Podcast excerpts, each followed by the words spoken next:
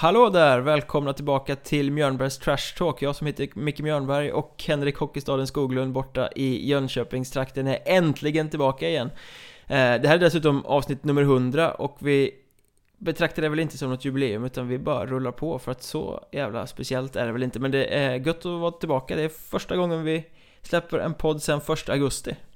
Ja, det är det. Det är riktigt skönt att vara tillbaka och man blir ju varm här faktiskt av glädje när du säger att det är avsnitt nummer 100. Jag visste faktiskt att det fanns en anledning till att jag åt tårta igår kväll. Eh, eller jag visste inte det då, men nu vet jag. Tog ut firandet i förskott? Ja, men lite så. Det var en tårta jag jobbade igår, eh, men eh, min svärmor fyllde år. Dock inte hundra, men, eh, men då fick jag hem lite tårta där som plåster på såren då i och med att jag missade kalaset. Så eh, jag visste ju i och för sig anledningen då men var, det är lite dubbelt firande.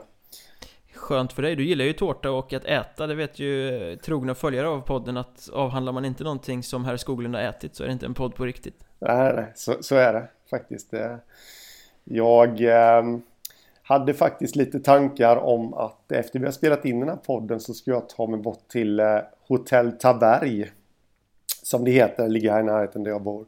Som serverar riktigt fin mat. Kan vara kommunens bästa meny faktiskt. Jag är inte sponsrad utav Hotell Taberg. Eh, men... Eh, så då vet ni vad jag ska göra efter vi har spelat in den här podden.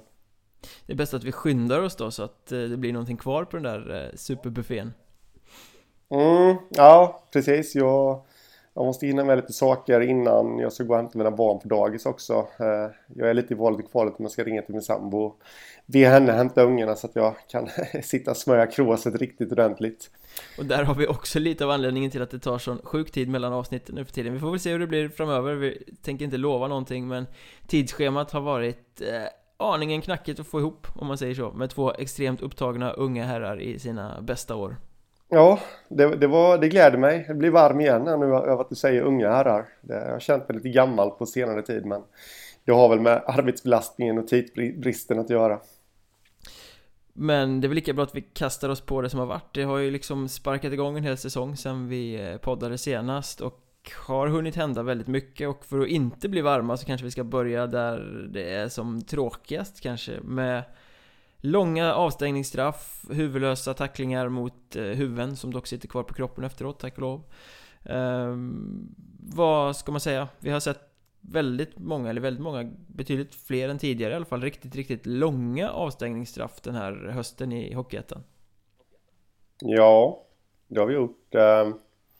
Kan ta några exempel. Jonathan Stuxberg i Visby fick 11 matcher för en tackling i Enköping. Robin Höglund, Vimmerby nu nyligen, fick ju nio matcher för den där eh, galna tacklingen på Ludvig Larsson i Halmstad och eh, Sen fick ju Sebastian Pettersen, tror jag han heter, i Kiruna AF där uppe i Norrland. Han fick bara sex matcher för sitt mordförsök på Viktor Arvidsson i Boden.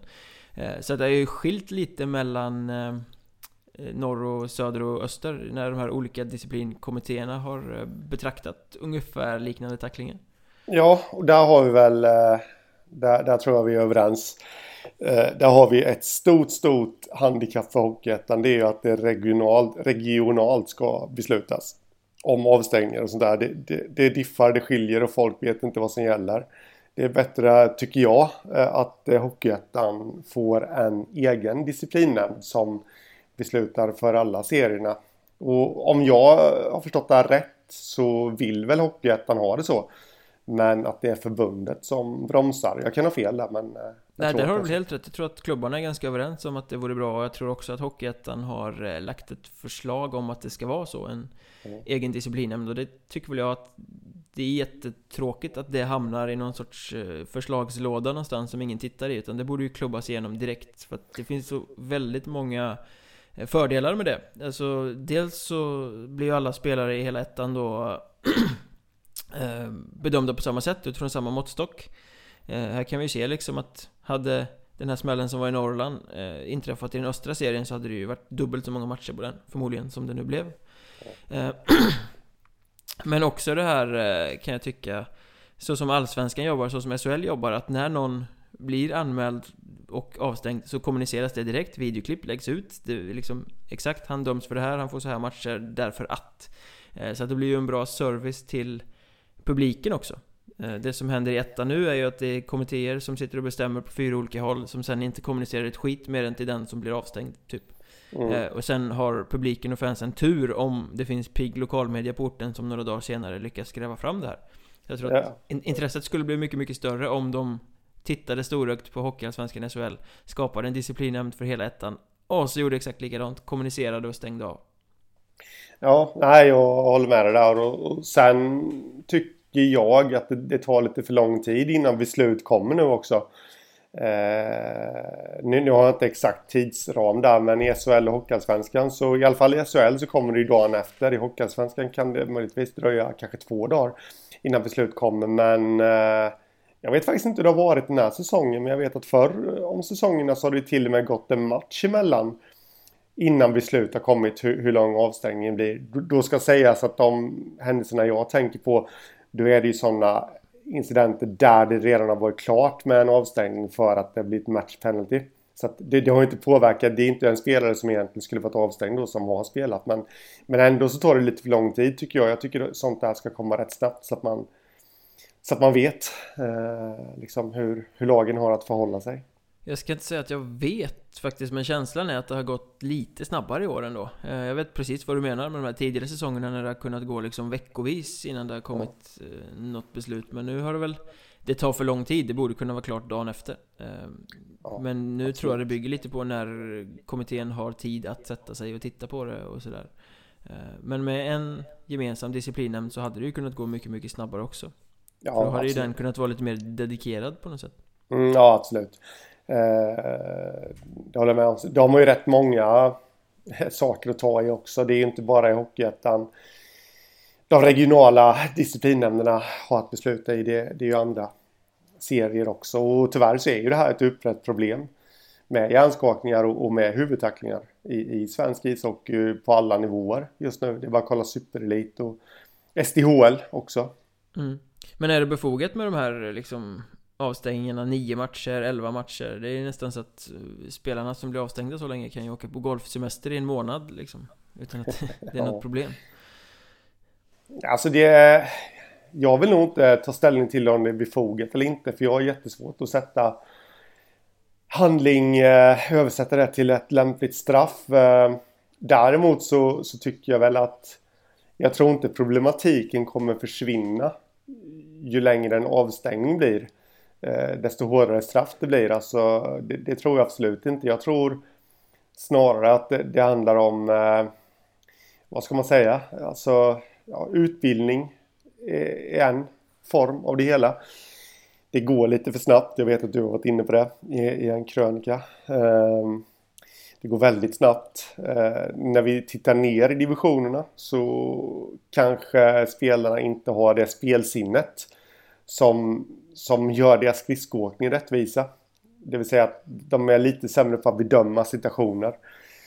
Eh, och då, då, kan det bli olyckligt. Eh, för att ingen spelare går in avsiktligt för att skada någon annan. Oavsett hur illa den kan se ut. Faktiskt när man tittar på bilder och sånt där så tror väl jag att 99% av de som ser riktigt illa ut beror egentligen på bristande spelsinne olyckliga omständigheter. De tänker till lite för sent. Eh, men där, men där har ju den stora debatten blivit att eh, respekt, man måste visa respekt på isen. Nu, nu är det dags liksom att spelarna börjar ta sig i kragen och visa respekt mot varandra. Eh, när man lyssnar på den debatten så låter det nästan som att Hockeyettan är befo liksom befolkad av skogshuggare som åker omkring och bara vill döda varandra ungefär. Och den ja. bilden har ju jag väldigt, väldigt svårt att känna igen. Det är klart att det finns vissa spelare som går över gränsen lite för ofta, som spelar alldeles för uh, opolerat och som borde stängas av. Så är det självklart, men så jäkla många är de inte. Och eh, de här olyckliga smällarna och skadorna och avstängningarna är ju betydligt egentligen fler än vad de fula spelarna är. Så att jag är som du säger, jag är helt övertygad om att det mer handlar om fart än om respekt. Att det är helt enkelt, hockeyn går alldeles för fort nu för tiden. Det är ju bara att jämföra Hockeyettan och Superelit. Det går två ligor där det går fort och där spelarna är antingen inte tillräckligt långt framme i sin hockeyutbildning eller helt enkelt för dåliga. Och ska spelare med bristande spelförståelse spela i högt tempo Då kommer det bli så här Så mm. jag tror att enda, enda sättet att faktiskt få riktig bukt med det Om man tittar ner i ettan och så Det är att få ner tempot på spelet För att det, det går för fort och är för dåliga spelare helt enkelt Jag har klurat lite på det om eh, Vad tror du om den här idén att eh, man i Hockeyettan och Superelit inför Redline Offside igen? Alltså det skulle säkert vara bra men det, det är också en en eh, avvägning hur kul det är att titta på spelet. Hur, hur kul skulle publiken tycka det var att gå och titta på hockey där du inte kan slå en sån här lång eh, briljant eh, passning upp till offensiva blå? Det är ju ändå ingen som går och kollar på Hockeyettan om man, om man jämför det om man, om man sätter det i paritet med med SHL och Hockeyallsvenskan nu. nu. Nu menar jag att de inte ska ha Redline Offside i SHL och Hockeyallsvenskan utan ta det längre ner i divisionerna då. Så att när du väl värvas till Hockeyallsvenskan det är då du får lära dig att spela utan Redline Offside. Så då ska man straffa de som faktiskt men... tycker det är kul att titta på Hockeyettan då? Jag vet inte men... Eh, nej men eh, för att återgå till... Eh, till det här med... Med, med faten och att vissa tacklingar kan se väldigt respektlösa ut och sånt där. Jag, alltså hockey är ett fysiskt spel och det är klart att hade jag spelat jag, jag ser mig själv som en rätt... Om jag hade spelat hockey så hade jag nog varit rätt aggressiv som spelare och eh, försökt att klämma till och trycka på och sånt där. Inte nu för att jag har fysiken till det men, eh, men eh, då kan jag tänka mig att nu ska jag satsa på den här killen. Eh, men han hinner spela ifrån sig pucken och tanken går inte riktigt hela vägen. Alltså det går så snabbt. Så att kanske precis i ögonblicket när tacklingen kommer då, aj det här var inte bra. Jag kan faktiskt dra ett nära exempel till mig själv här att jag har trappräcket ner till källaren hemma här och har lossnat. Men det tänker jag aldrig på så när jag ska kliva ut för den där branta trappan. Anledningen till att jag håller mig i trappräcket från första början det är att den är så himla brant. Men det händer ju flera gånger att jag håller på att rasa ner för hela trappan för att jag alltid glömmer bort. Och jag kommer alltid precis på det precis när jag tar i trappräcket. Jag tror att alla känner igen den känslan. Nu gjorde jag något som jag inte skulle göra. Och jag tror att det är, det är bristande spelsinne från mig. Här ja, hemma. Skillnaden är att där är det du som får hjärnskakning och inte någon som du kör på. Ja, precis. Eh, men jag tror liksom att eh, det är samma sak där. Ett annat exempel är ju jag, jag har faktiskt en gång lyckats backa ut från en parkeringsplats trodde jag. Men jag tryckte gasen i botten framåt där istället. Eh, där var inte bra och så ja, åkte jag framåt istället då. Eh, det är samma hade, sak där tror jag. Det är bristande spelsinne. Hade du lärt dig någonting av att de drog in ditt körkort i ett halvår efter det? Nej. Nej, exakt. Och det blir samma sak som med de här riktigt långa avstängningarna. Eh, det är väl klart att man måste ju markera, det förstår jag också. Men eh, jag kan tycka att det blir lite att, att eh, hela debatten blir fokus på att folk är rövare och dårar fast det egentligen är ett betydligt större problem att spelet eh, inte är anpassat för de som utför det helt enkelt. Mm, nej precis och där, där är det väl utbildning som, som måste till. Eh, prata om det helt enkelt. Prata om det hela tiden. Utbilda. Eh, alltså när man, för att återkoppla till körkort då, när, när man går och tar körkort så eh, för att förtydliga så har jag aldrig behövt att ta om mitt körkort. Eh, men då informerar de ju väldigt mycket om riskerna. Man blir nästan rädd när man sitter där på en körskola liksom. Och jag tror att det kanske är lite sånt som behövs eh, inom hockeyn också då. Det, det, finns ju. Så vi ska inte säga att det inte finns men eh, det är bara att kolla, alltså det kan ju hända även om du satsar för fullt i en tackling så kan, du, kan du ju själv bli skadad också. Kolla på Bibic mm. där i Linköping exempelvis. Det var riktigt otäck smäll och det var ju egentligen han själv som åstadkom det. Eh, för att den andra spelaren undvek tacklingen liksom så att... Eh, så att... Eh, ja, det, det, är farligt. Faktiskt. Så, så, sammanfattningsvis kan vi säga mer utbildning, lägre fart, gemensam disciplin ja, för helheten? Ja, ja jag, jag tycker nästan det. Och blir det en gemensam disciplinnämnd så bara därigenom, de kommer bli experter på tacklingar och vilka tacklingar som är rätt, vilka tacklingar som är fel och där kan man ju bygga ett gigantiskt utbildningsmaterial bara genom det. Men om vi då släpper de här eh, tråkiga tacklingarna och går tillbaka till någonting som är betydligt mycket roligare. Vi blickar tillbaka lite över det som har hänt den här eh, Hockeyettan hösten och eh, listar några eh, positiva saker som överraskningar, positiva inslag i, i Hockeyettan. Vad, vad känner du spontant att du har att komma med då? Ja, spontant så... Det, folk kanske inte tror att det här är en överraskning eller tycker att det är en överraskning. Men jag måste faktiskt säga Hudiksvall. Eh, som Ettans en överraskning. överlägset bästa lag så här långt. Mm, det är de och eh, alltså det är ingen överraskning att de leder eh, Hockeyettan Östra. Absolut inte. Eh, lite överraskande ändå att de efter 12 omgångar har noll förluster. Och, och lyckas hålla hela... De lyckas hålla igång det. Alltså fabrikationen hela tiden även fast de är överlägsna. Det tycker jag är värt att lyfta lite att... Eh, ja, det är så lätt att slå sig till ro. De är ju redan klara för allettan liksom. De, de är ja, råd att torska. De är överlägsna i den där serien ja. så att... Eh. Men jag, jag, tycker faktiskt att det är imponerande att de lyckas hålla igång det och... Eh, där har jag faktiskt en liten teori om att... Eh, jag tror man ska tacka Magnus Åkerlund mycket för det. Målvakten.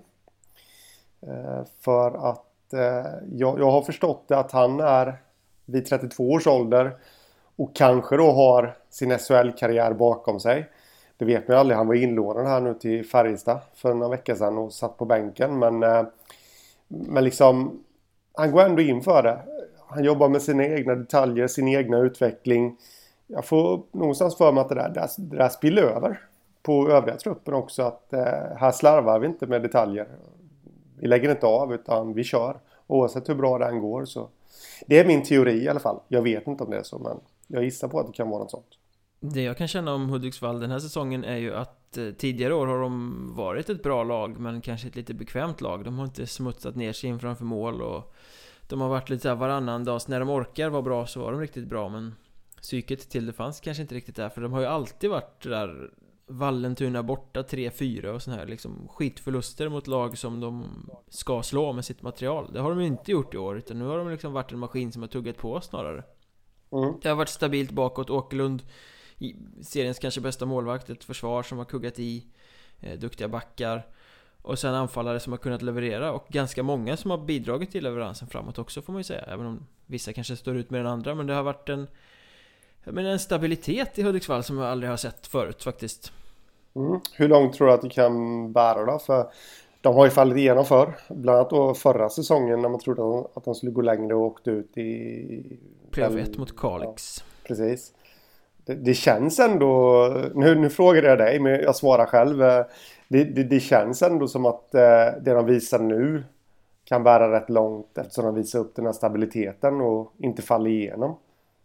Absolut, fortsätter de på det här spåret då kan de gå till kvalserien Det är inget snack om, det är nog ett av de bästa lagen jag har sett spela i år i alla fall Jag är rätt mm. imponerad av hur de höll ihop det bra Även om de visade som borta mot Huddinge då att när motståndet kommer ikapp lite närmare så blev det lite darrigt. Sådär klassiskt som det kan bli bland, bland nästan alla hockeylag.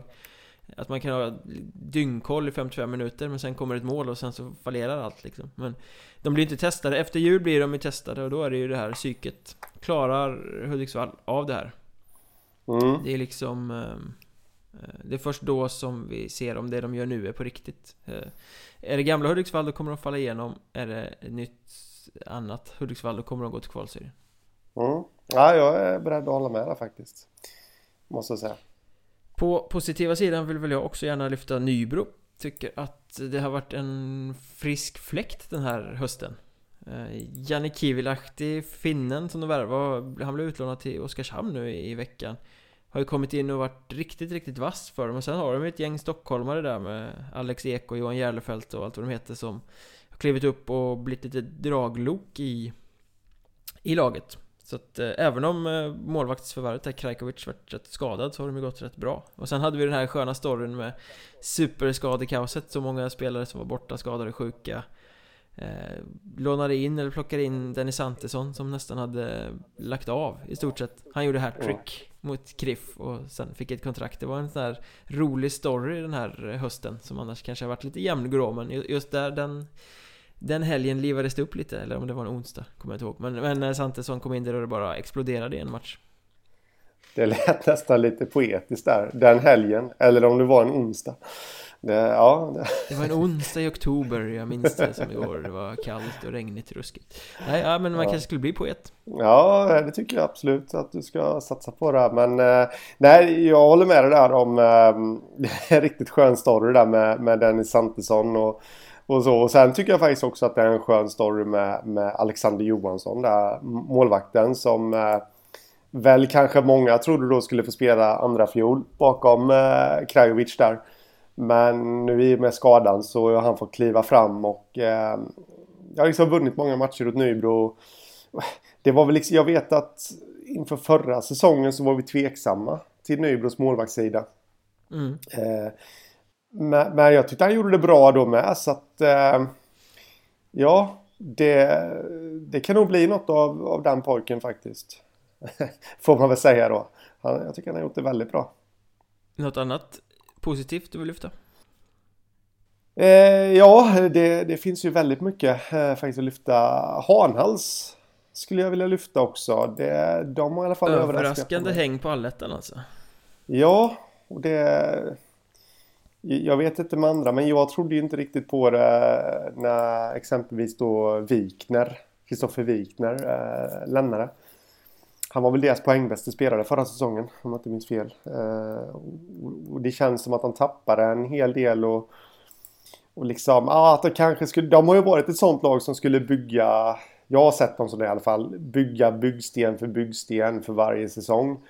Och, eh, och eh, ja, på längre sikt då kunde de utmana om allettan. Men det känns lite som att på förhand så skulle den här säsongen kanske bli ett litet, litet tillbakasteg. Men de har ju verkligen fått det att funka och där ser vi lite också hur, eh, hur det här samarbetet de har med Frölunda eh, gagnar Hanals. Kolla bara målvakten Arvid Söderblom som eh, har gjort det bra. Han är mm. inlånad från Frölunda. Max Lindroth, det är ju inget lån nu då, men som kom tillbaka från Troja. Har gjort ofantligt bra. Fick vara med och träna med Frölunda här nu i förra veckan tror jag att det var. Ja, när han Sigalet eller vad han heter var hemma mm skötte familjeangelägenheter tror jag. Mm. Gick väldigt snabbt faktiskt.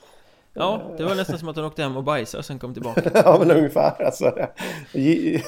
Gillar inte andra toaletter än... Svårt att skita på offentliga platser. ja, precis. Ehm, nej, men så... Där måste jag faktiskt säga att jag är riktigt imponerad utav dem. Och, ja, frågan är ju... Niklas Högberg, ska ju, tränaren där, ska ju ha en eloge. Det, ja, det känns som en av... Jag vet att jag skrev en ranking en gång i tiden. Det är nästan två år sedan nu och då tror jag inte Högberg var i Hanals men jag tror att han blivit klar precis då eller något där. Han hade haft damkronorna eller något sånt där då va? Mm, nej, jag tror att det var ett sabbatsår bara. Uh, han hade damkronorna innan. Okay. Uh, men uh, jag tror han precis hade blivit klar eller något för honom. Och där jag faktiskt då, det, det, är inte för att fronta mig själv på något sätt men där hade med honom i toppen där som en av ettans bästa tränare och eh, ja men det, han känns som en sån där lugn pedagogisk som bygger metodiskt liksom och det börjar ge resultat här nu för han alltså det kan bli jäkligt intressant att se hur långt de kommer ta sig faktiskt. De har överraskat hittills. Överraskat att de ligger etta, det här, nu kommer vi in på lite samma spår som eh, med Hudiksvall. När jag tar nästa punkt här eh, För att Borlänge leder den västra serien är ju inte så överraskande egentligen. Eh, men att Borlänge har varit så överlägsna i den västra serien som de faktiskt har gjort, det är överraskande. Och en väldigt positiv fläkt, för de har ju spelat Kanske mer totalhockey än något annat. De är supersolida bakåt, släpper knappt till några mål eller chanser vilket bygger på ett försvarsspel som de får stopp i spelet väldigt fort så att de behöver inte vara så mycket i egen zon. Samtidigt som de har bländande anfallsspel. Så att de är ju, har ju så här långt varit väldigt bra åt båda håll och väldigt kul att skåda. Och det är ju ingen i västra serien som eh, mäter sig med Dennis Halls manskap Denna unga tränare som har klivit upp. Eh, Hans andra säsong som headcoach i Borlänge är det ju. Eh, Har du samma känsla som jag där att Borlänge kan bli riktigt jäkla vassa om de lyckas hålla i det här? Ja, det har jag. Eh, jag hade också eh, tankar på Borlänge som, som en överraskning här. Eh, för att... Eh, ja, men det, det, ja, de känns också som en maskin som håller på. De har ju übervasse Marcus Persson där eh, långt fram liksom. Och, och alltihop. Och kolla bara Henrik Edström, målvakten som... Och Viktor Eriksson också, han har bara spelat två matcher men också gör det bra. De har ett solitt försvar eh, i Borlänge. Det, det, känns också som de har alla ingredienser. För mm. att eh, kunna gå riktigt långt liksom. Eh, en solid defensiv och Nej, de har ju byggt för att vara lite tuffare i egen zon i år än vad de var förra året. De tyckte ja. väl att det var där det fallerade i, långt fram på säsongen. Liksom att de var, det var lite för enkelt att ta sig in på kassen mot dem. Så nu har de liksom tagit in lite mer tuffhet och det, det har de väl inte behövt så här långt i västra serien ska man väl säga. Det kommer de väl behöva mer längre fram, men det är ju bra att ha det på det sättet. När de ändå har den här vassa offensiven, att de kan tuffa till sig lite bakåt också. Mm. Och, ja, precis. Och bara 16 mål insläppta liksom på 12 matcher. Det är ju... Skapligt. Ja, det är riktigt bra faktiskt. Och har, har man den satt defensiven där så då blir man ju tryggare. Inbillar jag mig som lag. Eh, liksom att ja, det räcker nästan med att vi gör två mål. Och det har de ju kapacitet till att göra. Så, Minst sagt. Ja, precis. Så att, eh, det är klart att då är det lättare att gå, gå ut från start och spela ut så att säga. Nästa punkt som herr Skoglund drar ur eh, sin eh, positiva hatt då? Ja, eh, måste faktiskt säga Väsby. Det, Väsby, ja. Mm, det måste jag faktiskt säga för att ännu ett lag som inte är överraskande att de ligger på allettan-plats i detta nu. Jag kan säga så att jag hade väl förväntat mig att de skulle göra det. Men eh, de har just den sista allettan-platsen. Men de har ju haft lite eh, krux med ishallen bland annat. Eh, och det, det, det, har varit lite kaos känns det som i Väsby. Och att ja, ändå då... Det som har hänt är väl att de byter ispist i Vilundahallen, deras hemmaarena. Så att de gjorde hela försäsongen på annan ort. Sen inledde serien med nio raka bortamatcher eftersom mm bygget inte blev klart i tid och sen blev det ännu mer galet och försenat så de får spela ännu fler matcher Sina hemmamatcher, ja. typ i Sollentuna och Järfälla och allt vad det är Ja, eh, precis i lördag så Ja, i lördag så Hade ju hela föreningen exempelvis eh, Sett fram emot att möta Hammarby på hemmaplan eh, En kronas match skulle det vara, ja. folkfest och eh, sälja bärs och... Ja, ja, absolut. Men den fick de ju flytta till Järfälla ishall. Jag vet inte hur långt det är mellan Upplands Väsby och Järfälla. Men det är väl en bit i alla fall. Och 148 åskådare kom istället. Det är ju ett slag. Självklart alltså. Hockeyfest. Ja. Ja. Nej men alltså. De har väl räknat med. Om inte jag är helt ute och cyklar nu så tror jag de har räknat med fullsatt. Om nu Vilundahallen tar 1 och 5. Tror jag. Så jag menar det kom bara en tiondel. Eh, och det, vilket inte är så konstigt. Och det säger sig självt att det blir ett hårt slag för föreningen. Och, och på den här nivån det är klart att, eller på den här nivån, det spelar ingen roll vilken nivå den befinner på. Men sådana här förutsättningar påverkar ju självklart laget också. Oavsett om någon säger att det inte gör det så gör det ju det. Eh, men ändå att de tuggar i och ligger med. De har tagit mer poäng än vad man kanske trodde att de skulle göra när det var hela den här tröstlösa borta hösten liksom. Mm. Ja, absolut. Eh, så det måste jag faktiskt säga att med tanke på de förutsättningarna, de har inte överraskat på mig med tanke på hur jag såg på dem inför säsongen. Men, men eh, nu visste jag i och för sig om att de skulle ha en massa bortamatcher. Så på så sätt så är det också överraskande. Men ändå så överraskar det. det är på det bästa sättet jag kan eh, uttrycka det hela så att säga. Men då har det ändå ramlat in nu på slutet rätt mycket mål bakåt och sådär. Så det känns ju som att det kanske finns mer att hämta där. Ja, absolut. Så att, eh, sen finns ju risken att när de väl får komma hem att de visar sig vara ett uselt hemmalag för att de inte vet hur man spelar på hemmaplan. Då vet vi alla vad de får göra, då får de åka buss. Denna klassiker ja. som är lika uttjatad som att det finns inget svårare än att leda med 3-0 i hockey. Mm, nej. nej, men det, det stämmer ju. Jag ligger hellre under med 3-0 än leder med 3-0. Ja, ja, men det är klart att man gör det. Ja, ja, absolut. Det, det är väl självklart.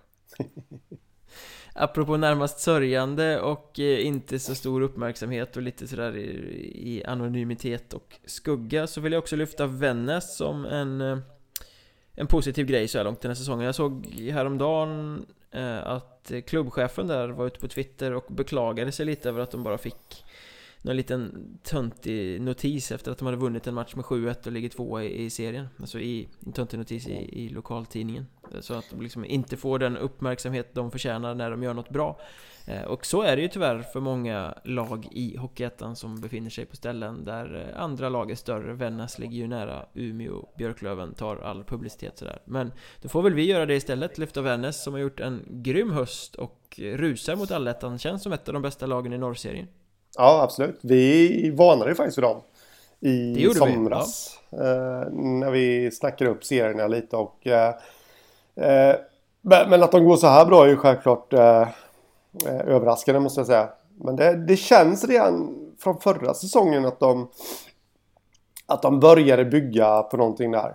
Eller ja, till och med från säsongen innan där. Det, det känns som att de har satt en organisation och att de har en plan och liksom att de har en väg framåt, det måste man ju ha. Man kan inte bara ta en säsong och klara av den och sen börja planera nästa när den säsongen är slut så att säga. Utan det känns som att de har en långsiktig plan och eh, jag, är, jag är full av beundran faktiskt för dem och lyckat lån också från Björklöven där, William Eriksson junior. En riktig målskytt alltså. Ja, och jag menar det, det är lite charmen också med Hockeyettan att eh, sådana unga killar kan komma in och även som juniorer komma in och leverera.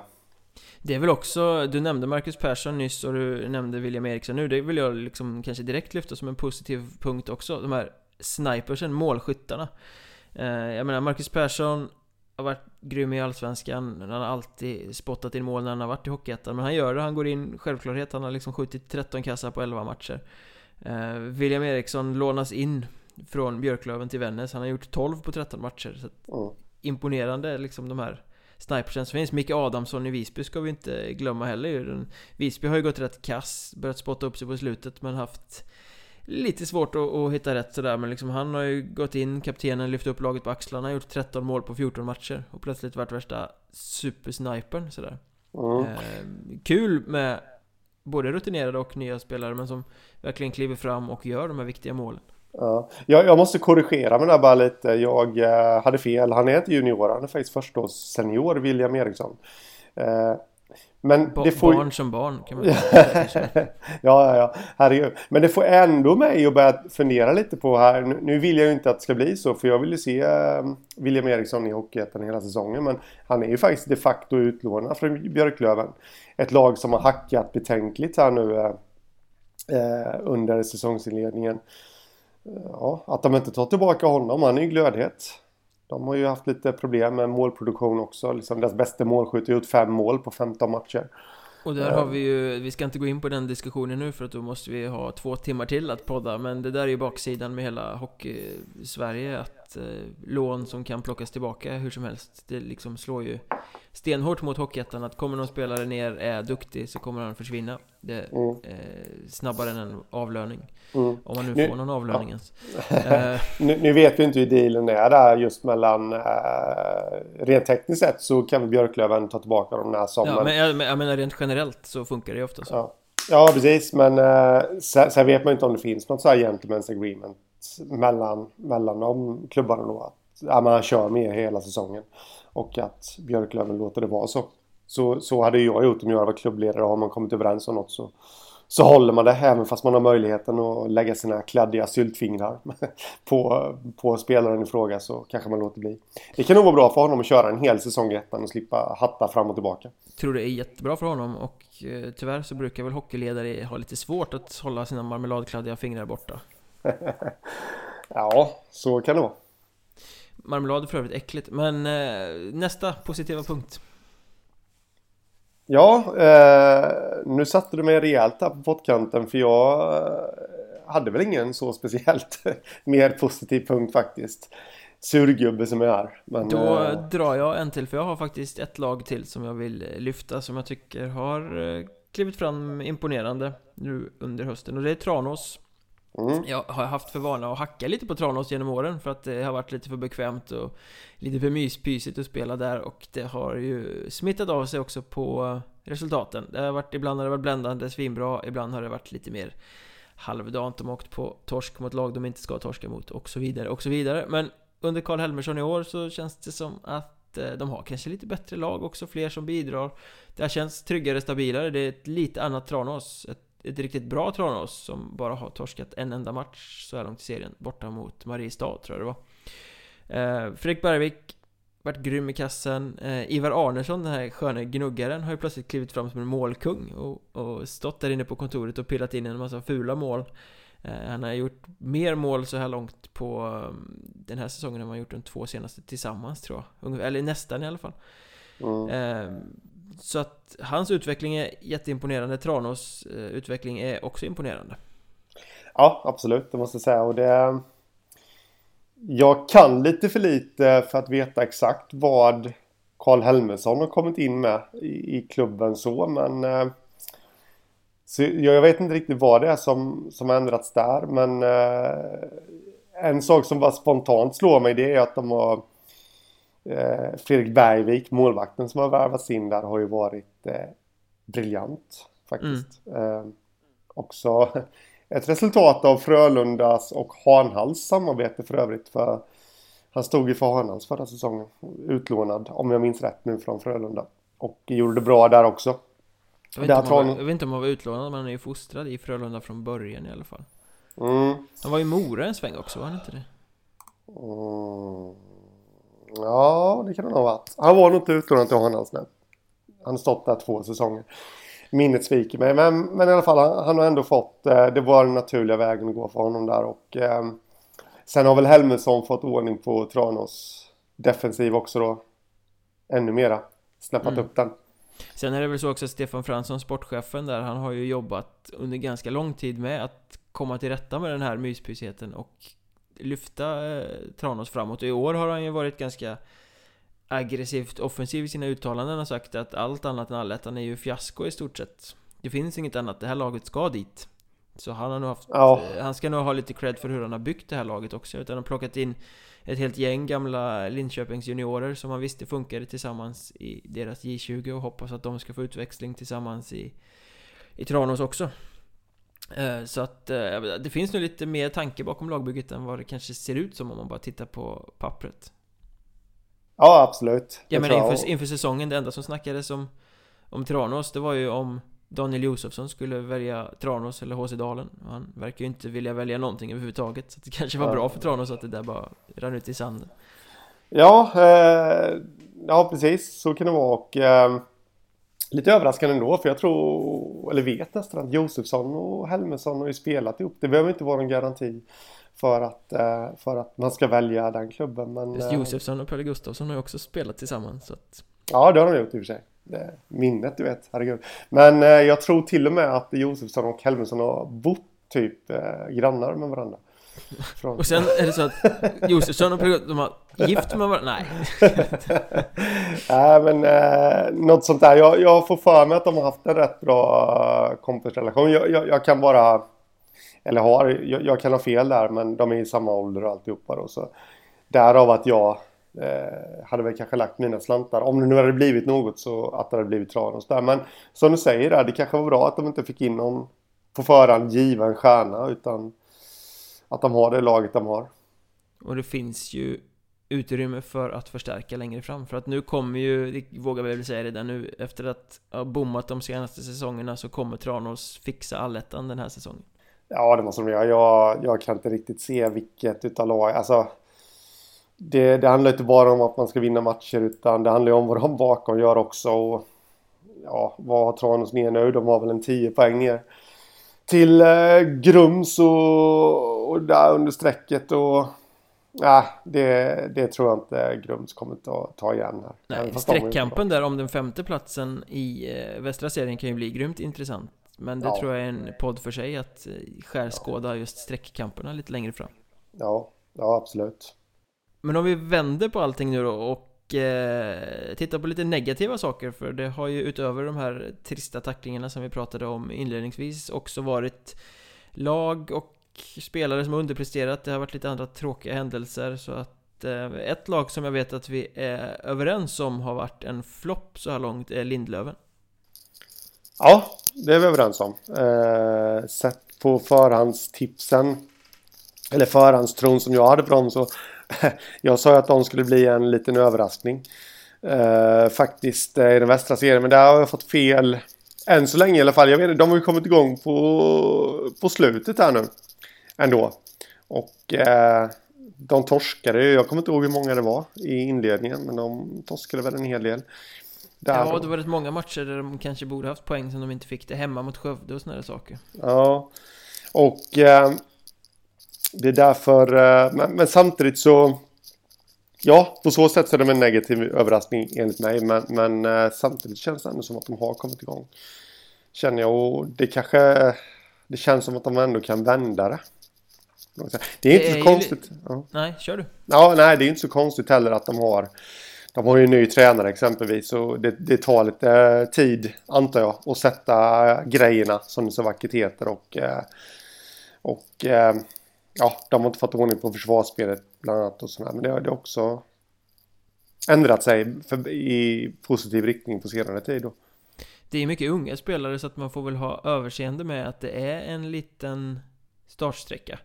Eh, att det tar ett tag innan de kan börja Potentialen är stor men det tar ett tag innan de kan börja prestera på den nivån som man kanske tycker att de ska göra med tanke på namnen i truppen. Men samtidigt så vet jag ju själv att Sportchefen där, Östlund var ute i någon intervju på deras egen sajt jag, sa att de var ju inte alls nöjda med poängskörden de har Tagit Nej. så här långt och det ska de inte vara heller.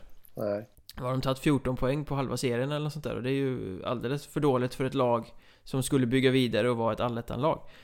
Eh, Så att det finns ju stor improvement potential eller vad säger man? Det, alltså de, de måste få ut mycket, mycket mer för de har ändå hamnat lite på efterkälken och lag som Arboga och Grums och liksom sånt där ligger närmare till hands att gå till allettan än vad Lindlöven gör just nu. Så att det är ju floppartat men, men samtidigt, både du och jag vet ju potentialen i laget så börjar de leverera så kommer de ju bli vassa men det har de jag tycker väl inte riktigt som du att det har sett så klockrent ut på slutet. De slog Malung ganska kontrollerat, men Malung är ju ett division 2-gäng som går, kör och stoppar huvudet under armen och går det så går det. Broderar lite fint i anfallszon ibland. Eh, åkte väl på däng mot Tranås nu senast. Det ska man väl inte skämmas för, för Tranås är bra, men här krävs det ju 4-5 segrar i rad liksom för att verkligen få go. Ja, ja absolut. Sen har de en potential att ta de segrarna i rad också, eh, men det gäller ju att de gör det. Mer flopp? Ja, jag skulle vilja... Eh, Östersund, det var också ett annat lag som vi har pratat om. Som vi tänkte att det var ingen som pratade om dem. Och det kanske skulle vara bra för det här laget. Men eh, just nu så ligger de faktiskt utanför allettan. Och eh, i den norra serien. Och det var lite oväntat hos mig i alla fall. Ja, alltså med den truppen så ska de ju inte ens vara en diskussion om de eh, ska vara där eller inte. Nej.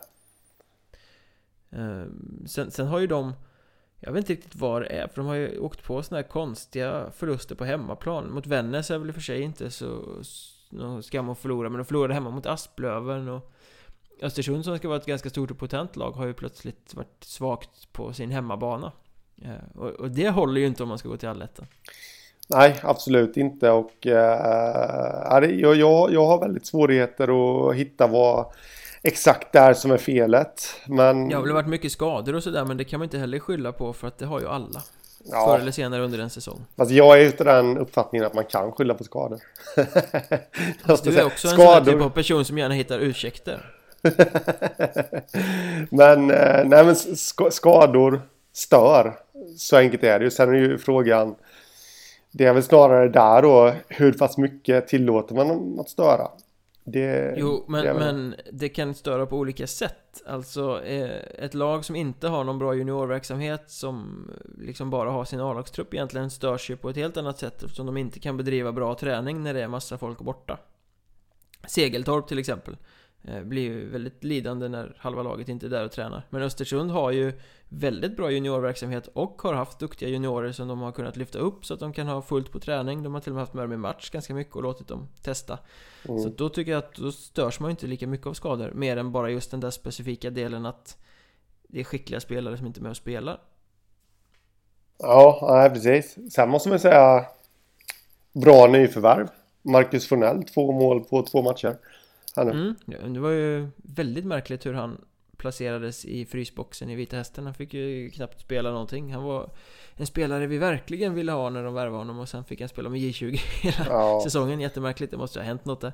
Men det är ju en supervärvning av Östersund. Han är ju toppklass på ettanivå. Ja, eh, absolut. Jag blev också överraskad över det här. Det, hur han behandlades i Vita Hästen och eh, ja, det är väl... skulle nog nästan kunna vara eh, material för en egen podd där. Vad man har för analyser om det där. Det är ju... Eh, kanske en klubb som vi kanske kommer få anledning att prata om mer framöver i ett... Du menar nästa säsong? Så har ja, jag menar mer i ett negativt kval från Hockeyallsvenskan. Ja, mycket, mycket möjligt. Det ser grått ut kan man ju säga. Ja, det gör det, men nu ska vi inte analysera dem, men bara lite grejen Vita Häst. Jag tycker ändå att de har potential, men jag tycker nog att det kan, ja, den potentialen kanske används på ett felaktigt sätt. Känns som den har gjort det i ganska många år. Ja. Men, men eh, apropå negativa saker och vi kan hålla fast vid Östersund så det är ju inte någon som har presterat negativt men vi kan väl kalla det trist istället då kanske. De värvade Johan Sköld som eh, första center till den här säsongen. Han, han spelade en match innan han eh, var med i en kollision på träning och fick hjärnskakning mm. som inte ger sig. Eh, så Nej. han dras ju med de där symptomen och har varit borta i över en månad. Det är ju såklart ett avbräck för Östersund och det är framförallt jättetråkigt för Hockeyettan att en så duktig spelare inte är med och spelar. Samma sak i Mörrum, exakt samma sak nästan. Hampus Alexandersson skulle bli första keeper där. Eh, åkte på sin fjärde hjärnskakning på ett och ett halvt år på, på träning. Eh, fick liksom en, en smäll när de tränade tre mot två tror jag. Eller sånt där. Och har också varit borta en dryg månad. Eh, så att tunga hjärnskakningar, skickliga spelare borta länge. Det, det, är en trist grej den här säsongen.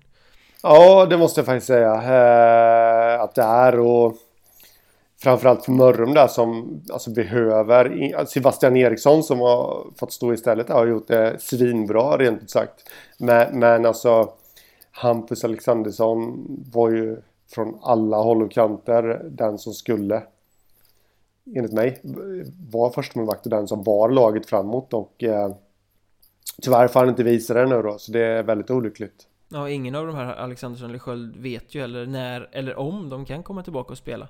Eh, vilket gör det ännu tristare. Ja, nej precis. Mörrum har ju haft Tim Hultstrand inlånad också. Jag vet inte om han är kvar där faktiskt. Han, han åker lite fram och tillbaka. Jag tror han var med nu eh, derbyt senast mot Kallinge. Ja, ja. Men vi har ju haft några sådana också. Eh, spelare som har tvingats lägga av på grund av hjärnskakningar. Rasmus Rundgren i Kristianstad la ju av nu mitt i serien. Och Oskar Niklasson i Skövde var väl tvungen att kasta in handduken precis innan serien. Eller precis i början där. Jag vet inte om han hann spela någon match. Nej, jag vet inte heller det faktiskt. Eh, det är olyckligt faktiskt. Det, vi hade sånt förra säsongen med. Ja, vi har det för jämna nu och det är väldigt olyckligt känner jag. Eh, det, ja, det är ett gissel det där med hjärnskakningar. Ja, och alla namn vi nämner nu är ju liksom profilspelare på Hockeyettan-nivå. Ja, absolut. Och, eh, men, men, samtidigt om vi ska hitta någonting, någonting positivt med detta nu så är det ju faktiskt att hade, nu menar jag inte just de här spelarna, men hade framstående spelare för 10-15 år sedan lagt av. Nej. Jag menar med vi har, vi har kommit mycket längre fram i medvetandet nu om vad det kan leda till. Så på så sätt så är det bara värt att applådera att, eh, att de tar det modiga och tuffa, tuffa beslutet. Eh, jag att tänker de på sin hälsa och framtiden. Ja, ja, ja absolut. Det, det, finns ett liv efter hockeyn. Så enkelt är det. Det finns även fler platser på Skoglunds negativa lista. Ja, det finns det. Eh, jag har en, en till där. Då tar vi en sista negativ punkt, kanske den ja. största av dem alla. Nu kommer bomben. Ja, precis. Kallinge-Ronneby måste jag säga. Det är också... Mm. det är ett lag jag hade förväntat mig mycket mer utav. Eh, ja, vid det här laget. Eh, Visst, de har plockat 21 poäng, de ligger på en allettan-plats. Men jag vet inte, jag hade nog förväntat mig att de skulle vara topp två i alla fall. Hade du kommit dragande med det här för några veckor sedan hade jag hållit med dig helt och hållet. För att eh, med det här materialet som Kallinge har så ska ju de, de ska vinna den här serien. De har det bästa laget i ettan till och med. Kanske, mm. till, på pappret. Ja. Klart Hudiksvall har bra lag, Piteå har bra lag, Troja har bra lag och sådär. Men, men eh, Kriff är definitivt ett av de allra bästa lagen i Hockeyettan och deras första månader var inte bra alltså. De, eh, när de vann matcher så gjorde de det på individuell skicklighet, inte på lagspel. Och det har inte sett ut som det har kuggat i alls bra faktiskt. Ehm, men de blir, har ju... Det blir lite annorlunda, men alltså Per Justereng försvann till Tingsryd där han sen fick sparken, Kjell Franzén tog över. Det blir lite förändring såklart och det kan ju ha påverkat Men de sista veckorna tycker jag ändå att eh, det har börjat se bättre ut Spelare har klivit fram, lagspelet börjar kugga i bättre Försvarsspelet sitter på ett helt annat sätt än vad det gjorde i början Eh, så att jag tror att Kriff börjar hitta den potentialen som de har faktiskt Ja, och där är vi överens. Eh, det var det jag skulle flika in där. Det har ju sett bättre ut på senare tider och eh, vill man vara lite konspiratorisk så jag la ut en tweet när Per Justeräng eh, väldigt överraskande fick lämna Tingsryd faktiskt. Efter tio omgångar så la jag ut en tweet där att undra om Challe Franzén blev lite orolig för sin egna situation nu i Kallinge-Ronneby. Och det var efter det de började vinna. Så, eh, Kände flåset i nacken? Eller? Ja, lite så. Nej, men jag menar inget illa med det. Men, men det, det, det var lite halvkul bara. Eh, att det var så det blev. Eh, det, det, gick ju en rolig eh, superspekulation som såklart inte var på allvar men det gick ju mycket bland fans att Brynäs har ju gått trögt eh, hela säsongen i SHL och nu har de ju sparkat Tommy Sjödin och plockat upp Magnus Sundqvist som eh, headcoach Så att det blev ju inte alls så. Men då när eh, just den kickades från Tingsryd så var det så att ja, men går inte Brynäs trögt. Kan ju de kicka tränarna så kan ju Sundqvist komma tillbaka till Tingsryd så kan just den komma tillbaka till KRIF Så blir det en ja. kedja av det hela. Ja precis, en eh, härlig kedjereaktion där. Nej men eh, eh, Det skulle ju vara ett svaghetstecken eh, jag, respekterar Per Justeng som tränare men det skulle ändå vara ett svaghetstecken av Kallinge att plocka tillbaka honom för att då visar de att vi klarar oss inte utan honom. Och eh, jag tycker man ska ge Kjell Franzén eh, förtroendet här nu. Och han har ju fått ordning på torpet. Om man säger så. Hur, hur mycket tror du han grubblade där i början? Jag snackade en del med honom, han tyckte väl inte att spelet såg så illa ut som vi andra tyckte kanske. Men eh, det är klart han inte säger att han grubblar när man pratar med honom. Men hur mycket tror du att han grubblade? Nej men det, det, det tror jag att, att han gjorde. Det, det, känns inte specifikt för Challe Franzén. Det känns som alla hockeytränare grubblar en hel del. Oavsett om det går bra eller dåligt. För att eh, går det dåligt så är det ångest över det. Och går det bra så är det ångest över att den eh, det, förlusten kommer närmare och närmare liksom. ja men det är lite så. Uh, jag skulle inte vilja byta med en hockeytränare på hög nivå. Man får aldrig vara glad. När man vinner SM-guld så måste man börja fundera på nästa säsong. Ja, ja men lite så alltså. Det är, ju en rätt uh, oförlåtande bransch på det sättet. Alltså du är ju aldrig bättre än din uh, senaste match i stort sett. Men, äh, även, jag, jag tror precis som dig Kallinge är en flopp enligt mig hittills men jag tror att de har alla förutsättningar för att vända det. Med Challe Franzén där i spetsen. Men eh, när vi ändå liksom är inne på Kallinge-Ronneby, vi kan ju bara lite snabbt innan vi avslutar det här eh, recapa lite de tilltänkta topplagen, hur har de skött sig? Då har vi nämnt Kallinge, de började svagt, sen har spottat upp sig. Kommer hålla till i toppen, right? Ja, absolut. Hudiksvall har vi nämnt, de är bäst i serien, vassa fram och stabila bakåt. Åkerlund är eh, kung. Men det finns ju några andra tilltänkta topplag som vi inte har nämnt. Troja till exempel. Om man bara 30 sekunder säger någonting om dem. Ja, eh, Troja, precis som Kallinge, inledde ju Bedrövligt. Svagt. Ja, bedrövligt. Eh, och där var jag faktiskt lite orolig för om det skulle hålla i sig hela säsongen. För det såg nervöst ut och det var skakigt och det var inget självförtroende och klyschan, du vet att eh, ishockeyklubban var som ett eh, det var som att den brann. Spelarna ville inte hålla i det, men sen fick de ordning på torpet och... Eh, dödsstraff, elektriska stolen och så ja, i, i, i, i Troja. Ja, ja, ja. Ström i klubban. Ja, ja, absolut, men eh, de fick ordning på det. Eh, och eh, ja. Ja, och de har ju så himla mycket skickliga spelare som börjar tugga igång Plus då att, som vi har hyllat tidigare, det bästa målvaktsparet i ettan med Viktor Agnevall och Anton Svensson så Som spelar så bra som vi trodde att de skulle göra. Så att Troja går nog bara raka vägen mot toppen. Det finns eh, ingenting att oroa sig för där. Alls. Nej, nej absolut inte. Piteå då, är, är uppe i norr. De ja, men, ja. Obesegrade länge och åkte på första förlusten mot Boden som gjorde en grymt bra match då Men annars känns det ju stabilt då. Nej men Ja, ja, ja, det är som vanligt med Piteå att de, de bara tuggar på. Man, man kan alltid förvänta sig att de ska vara i toppen där. Eh, jag skulle vilja, om inte du har någonting att säga om Piteå skulle jag vilja ta ett annat lag här också. Varsågod. Har du något att säga? Ja. Kristianstad hade jag faktiskt mm. lite, eh, vad ska man säga, ja men lite som en liten överraskning ändå. Eh, ja men ny tränare och som vanligt och en hel del nya spelare. Men eh, jag tänkte att det också skulle ta en liten tid men det, de har ju kuggat i fantastiskt faktiskt. Nu torskade de senast mot Tyringe i derbyt och det sved väl kan jag tänka mig. Rejält. Eh, Skyll, men... Skyllde på domaren gjorde de också läste jag. Ja, eh, det har inte jag läst men det, det kanske de gjorde. Och, eh, men ändå känns det som att jag vet inte, men jag, jag får lite känslan av att de har tagit ett kliv framåt ändå jämfört med tidigare Mats Lust-säsonger där. Inget negativt om Mats Lust, men det känns som att de har fått in ett eh, lite annat ledarskap. Alltså man får ju för sig att Micke Gat, när man såg honom spela, eh, man får ju för sig att han är en sån som står med piskan och visar huggtänderna liksom mest för jämnan. Men eh, jag får ändå för mig att han har ett lite mjukare ledarskap än Mats Lust. Det är nog inte så svårt i och för sig. Nej, men att eh, jag har själv intervjuat honom och han, han det är ju lätt att säga givetvis men jag, jag köper det han säger att han står för det här. Alla ska trivas i ett omklädningsrum. Det, det ska vara en harmonisk miljö liksom i ett omklädningsrum och då kan man ju inte eh, missförstå mig rätt nu. Man kan inte ställa för orimliga krav som jag kan få för mig att Mats Lust kanske gjorde ibland. Utan att kraven har sänkts lite och eh, Ja, jag kan inte formulera det på ett bättre sätt. Att det Nej, jag, för, jag lite, förstår vart du vill komma, tror jag. Att det har blivit ett lite mjukare ledarskap och det har uh, ja, på något sätt utvecklat truppen. Sen är det ju ändå samma visa som det har varit de senaste säsongerna. Det är skador hit och det är lånespelare dit och det är hur ska vi få eh, full trupp och vilka ska vara med på träning och sådär. Allmänt kaos runt Kristianstad som jag tror skadar dem i det långa loppet.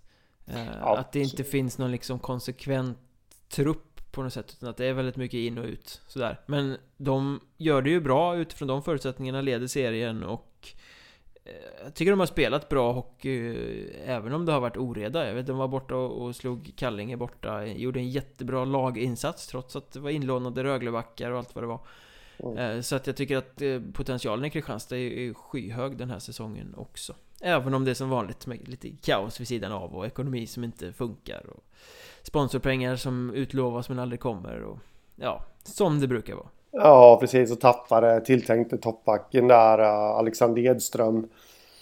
Som uh, uh, gick tillbaka till Troja uh, där och det, det, det, är klart sånt där skapar ju lite oro i truppen också men... och nämnde Rasmus Rundgren som ju la av då, ja, så det är två toppbackar som bara har ja, försvunnit. Precis, men ändå så får, ja, får de ihop det. Så det är imponerande faktiskt. Så det blir intressant att se hur långt Eh, firma Gat och Lilja kan ta detta. De underhåller ju dessutom stort. De har ju en egen YouTube-kanal. Ja, jag har sett detta. Det är ja. skönt med folk som kan bjuda på sig själva. Ja.